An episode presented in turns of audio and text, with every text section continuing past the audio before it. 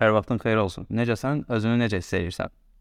Mən bu podkastı çox dəhşətli bir stressdən sonra eləmişəm. Bu da məqsədli şəkildə olub. Çünki düşünürdüm ki, bir stressli bir situasiyam olsun. Mən görüm orada o situasiyanı idarə edə biləcəmmi?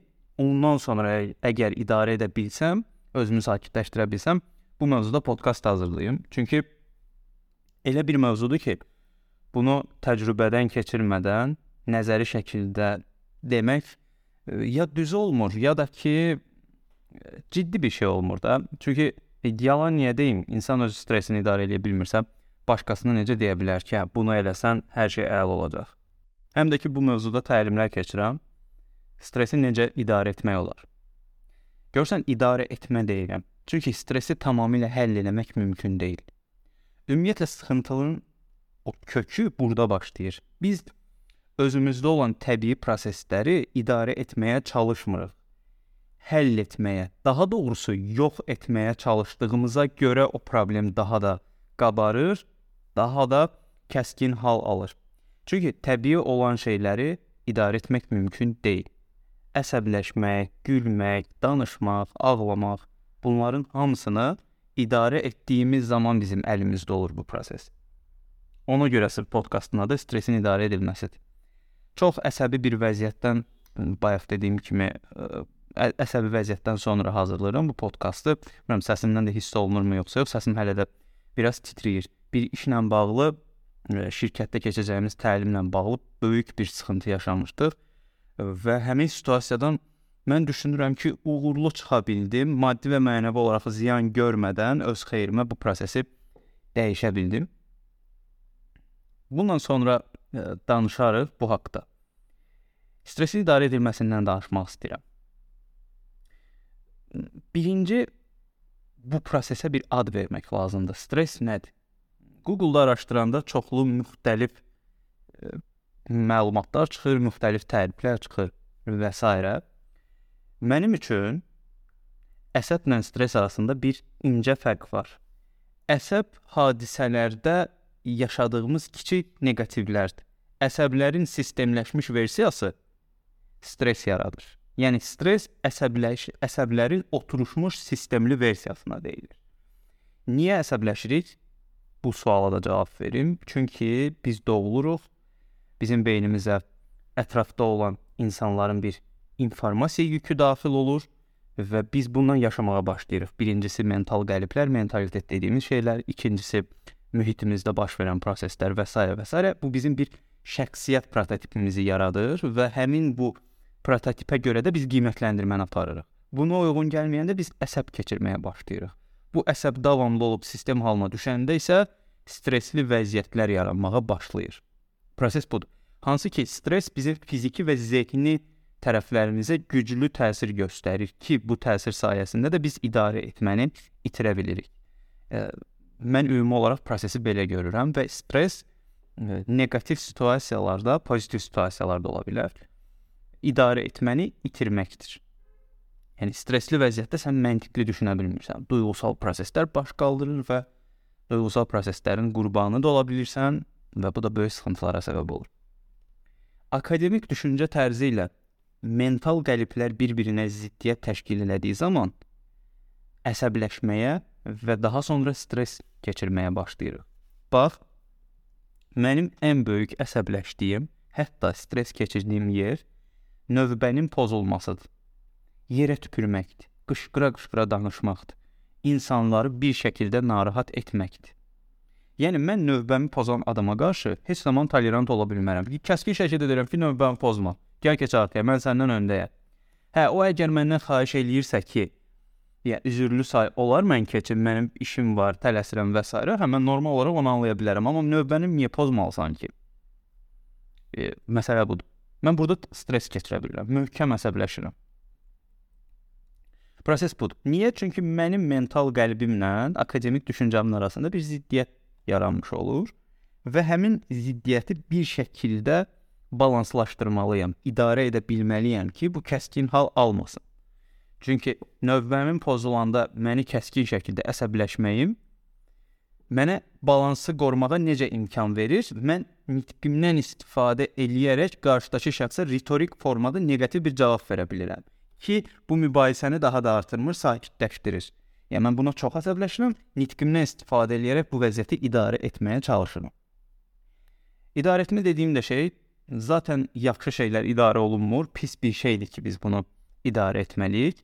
İdarə olunan istənilən şeydə biz uğur dediyimiz anlayışı yarada bilərik deyə düşünürəm. Bunun üçün stressin idarə edilməsi üçün mənim beynimdə bir plan var. Amma bundan öncə stressə düşmə səbəbimizin kökündə dayanan özüm üçün tapdığım bir 3S modeli var. Hansı ki bu birinci S burada nədir? Sirayət edilmə. Yəni biz doğuluruq, hər hansı bir yerdə yaşayırıq və orada olan informasiyalar bizim beynimizə sirayət edilir. Yəni sən düşünmədən sənin beyninə yeridilən və həyatının əsasını təşkil edən düşüncə və davranışlar toplusu sirayət edilmə. Sirayətdən sonra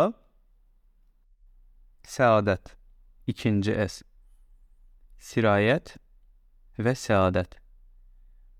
Səadət dediyim şey nədir? Sənə sirayət edilən informasiyaları həyatında tətbiq edərək onun içərisində özünü səadətdə hiss eləməyin çox bərbad bir şeydir, amma realdır.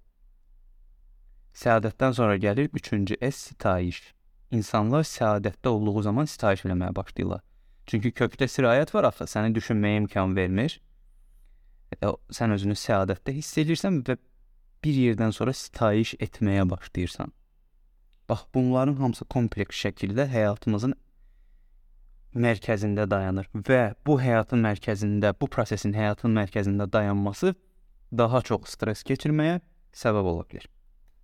Stressin idarə edilməsində özümdə tapdığım 3 əsas şeyi deyirəm. Yəni bunları həm tətbiq edə bilirəm, həm də nəzəri olaraq danışa bilirəm.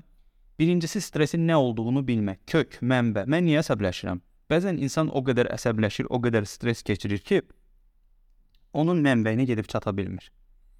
Mən bu detala necə e, diqqət edirəm? Stress keçirdiyim zamandan sonra sakitləşdiyim vaxt mən nəyə hissləndim, nəyə görə stress keçirdim? Bunun qeydlərini aparıram və başlayıram onun ətrafında düşünməyə. Bunu belə etməyim növbəti mərhələdə mənim hadisəyə daha məntiqli reaksiya verməyimə səbəb olur. Bir şeyin nə olduğunu bilmək növbəti dəfə əvvəlki kimi səhv reaksiyanın qarşısını alır. Sən daha təmkinlə, daha rahat reaksiya verməyə başlayırsan.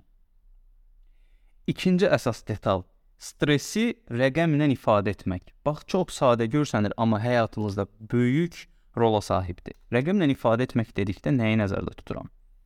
Biri var deyirsən ki, mən növbə pozanlara əsəbləşirəm, zibli yerə atanlara əsəbləşirəm, nə bilim, ona buna söz atanlara əsəbləşirəm, kitab oxumayanlara əsəbləşirəm. Ümumi deyirsən. Biri də var ki, sən tam olaraq özündə bilirsən ki, 4 prosesdə sən stress olursan. Rəqəmlə ifadə eləyirsən.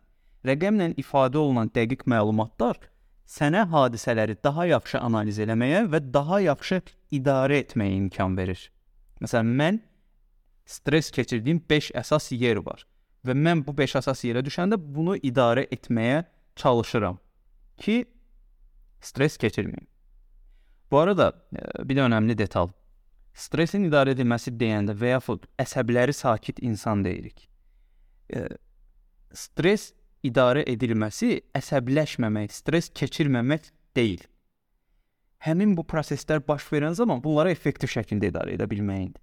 Yəni bütün insanlar türklər deyir, öfkə partlaması, əsəbdən partlaya bilərlər, amma bütün insanlar bunu idarə edə bilmirlər. Məsələ budur. Üçüncü stressin idarə edilməsi ilə bağlı detal şuurlu narahatlıq adını verirəm mən bu prosesə. Məsələn, məndə hansı zəif nöqtələr varsa, şuurlu şəkildə o proseslərə özüm düşürəm və orada özümü idarə etməyə başlayıram. Mən yəni xatırlayıram ki, dəfələrlə şuurlu şəkildə özümü bilərəkdən stressli vəziyyətə salmışam ki, görün burada nə reaksiyalar verəcəm.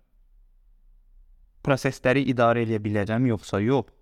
Bəlkə iki qat əsəbləşəcəm və s. Elə bil özündə tapdığın və rəqəmlə ifadə elədiyin stressli situasiyaları şuurlu şəkildə səni narahat eləyəcək bir situasiyalar yaradırsan ki, orada onu yoxlayasan. Növbəti ona oxşar şeylərdə özünü çox rahat idarə edə bilirsən. Mənim üçün stresimin idarə edilməsində çox-çox önəmli detaldır. Bu 3 sadaladığım stressin nə olduğunu bilmək, rəqəmlə ifadə etmək və şuurlu narahatlıq. Bu yenə də deyirəm, ha, bu kəskin şəkildə əsəbləşməmək anlamını ifadə eləmir. Əsəbləşdiyin anda onun təsirini, gücünü, neqativliyin o ən yüksək səviyyəsini azaltmağa imkan verir. Proses budur. Və bu prosesləri nə qədər çox mən tətbiq edirəmsə, görürəm ki, öz həyatımda əməlli başlı nəticə ala bilirəm. Çünki bizi asanlıqla əsəbləşdirirlərsə, vəssalam. İdarə etmə onların əlində olur. Sən asanlıqla əsəbləşirsən, özündən çıxırsansa, başın xarab olur, dəli olursan, bezirsən və s. və bunu kənardan görürlərsə, vəssalam, sənin iplərin qarşıdakı insanın əlindədir. Ona görə stresi elə şəkildə idarə etmək lazımdır ki, qarşıdakı insan tam olaraq tuta bilməsin ki, siz nə etmisiniz, nə istəyirsiniz, proseslər nə. Belə, bilmirəm e, nə dərəcədə faydalı oldu bu sənin üçün. Düşünürəm ki, streslə bağlı fikirlərimi az da olsa çatdıra bildim. Sualların olsa mənə sosial mediadan yazmağı unutma. Növbəti podkastda görüşərik. Özünə yaxşı bax. Hələlik.